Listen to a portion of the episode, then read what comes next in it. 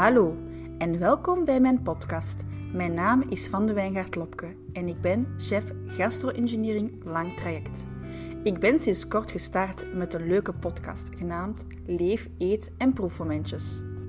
Nu, vandaag zal het iets anders zijn. Zoals iedereen wel doorheeft, heeft COVID-19 ons allemaal in zijn greep. Naast de geprezen zorgmedewerkers die zich dag in dag uit inzetten voor de goede zorgen van onze bewoners en patiënten, zijn er ook die geweldige toppers van chefs in de zorg.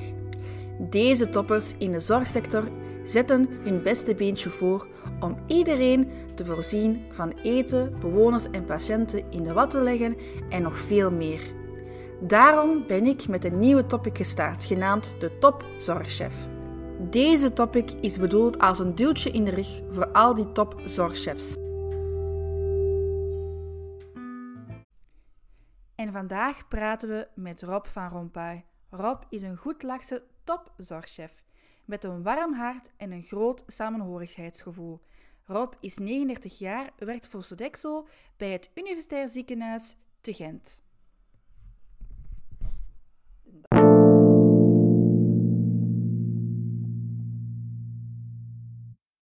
Goedemiddag Rob, hoe is het daar in Gent? Ah, fantastisch. Uh, het is wel een beetje druk wegens uh, de coronatijden die er nu heersen in het ziekenhuis.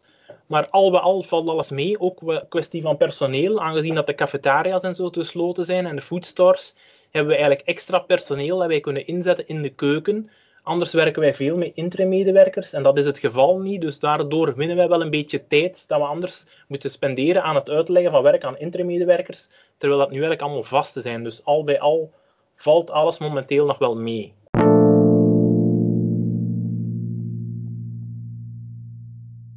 Voor jou is er qua werk veel veranderd de laatste dagen. Kan je mij dat even toelichten? Ja, op het ziekenhuis hier eh, zijn veel afdelingen veranderd. En dat is logistiek niet makkelijk. Want elke afdeling is al jaren dezelfde afdeling. En nu wordt een, een afdeling bijvoorbeeld van kinderziekenhuis, een volledig verdiep, omgebouwd naar een cohorteafdeling voor de corona. Dus dat is logistiek een heel proces natuurlijk, dat alles moet, uh, ja, moet ingegeven worden, dat alles correct beleverd wordt, omdat we hier toch met duizend bedden zijn uh, in het ziekenhuis totaal. Dus dat zorgt wel voor de nodige organisatie.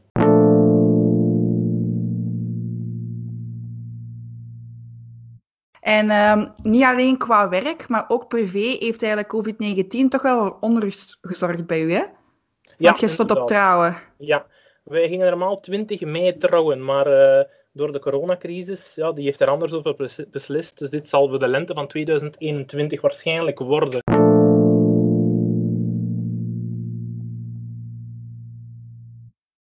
Jij wist al heel vroeg dat je kok wilde worden, hè? Ja, dat klopt. Het koken heeft altijd een belangrijke rol gespeeld. Mijn ouders die werkten vroeger heel veel en lang.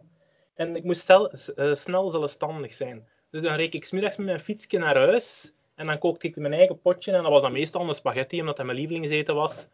En ja, dan had ik een uurtje tijd. En zo heb ik eigenlijk het koken met de paplepel in de mond gekregen.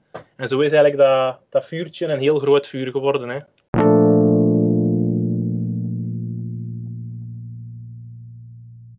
Een van je collega's heeft je opgegeven als topzorgchef. Wat vind je daarvan? Ah, top, ik vind dat een eer. Ik vind trouwens dat wij als zorgchefs meer contact met elkaar moeten hebben. Zoals een drie maandelijkse bijeenkomst met alle zorgchefs uit de streek zou zeker een meerwaarde kunnen zijn, vind ik. En dat doen we te weinig. Allee, het draait tenslotte toch om het gezamenlijke doel en dat is de patiënt.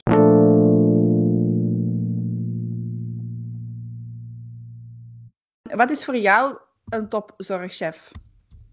Ja, op de eerste plaats een chef die zijn prioriteit geeft aan de patiënten. Iemand die het welzijn van de patiënten naar een hoger niveau wil tillen en die de opleiding heeft gevolgd in het Center voor Gastrologie. Omdat daar eigenlijk de wereld van mij opengegaan is. En dat was eigenlijk het puzzelstukje tussen het theoretische en het praktische dat eigenlijk nodig is om die twee volledig te kunnen verbinden. Dat was eigenlijk een openbaring voor mij sinds ik die cursus gevolgd heb.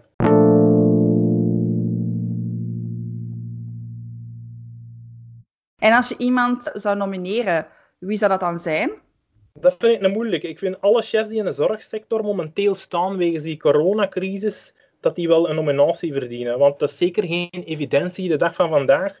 Allee, wij moeten meer medewerkers kalmeren, uitleg geven van wat en hoe, wat er veilig is, wat niet. Allee, en nou dan ook nog een lekkere maaltijd op het bord toveren van de patiënt. En alle chefs zijn eigenlijk momenteel een beetje crisismanagers nu. Dus dat vind ik wel belangrijk dat we alle chefs die in de zorg staan een bloemetje kunnen schenken wegens uh, de extra inspanningen dat ze allee, de, wegens de huidige situatie moeten doen.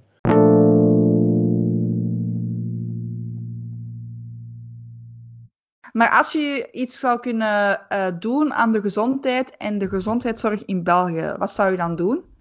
Ik zou graag een werkgroep maken van zorgchefs die de grenzen overschrijden van economische en financiële belangen. Uh, ik vind we kunnen zoveel leren van elkaar. En momenteel zit iedereen zo op een privé-eilandje, terwijl het antwoord vaak al te vinden is op het eilandje ernaast, of dat ze het al opgelost hebben, dus ze hebben al voor die situatie gestaan. En daarom vind ik dat we meer zouden moeten samenkomen en eigenlijk meer bruggen moeten bouwen naar elkaar toe als zorgchefs. Want we zijn hier in Gent bijvoorbeeld met vier ziekenhuizen. Dat zou zo fantastisch zijn als wij als de vier verantwoordelijken van die ziekenhuizen zouden samenkomen, bijvoorbeeld om de, om de drie maanden. Allee, het zou zoveel meer kunnen betekenen voor de patiënt die uiteindelijk in elk ziekenhuis ligt. Van, en dat vind ik spijtig, dat iedereen op dat eilandje zit momenteel.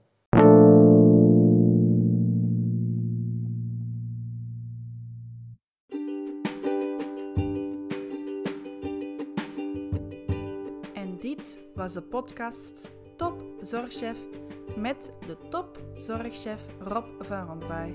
Ik hoop dat u er even hard van genoten heeft als wij. En hopelijk tot de volgende podcast.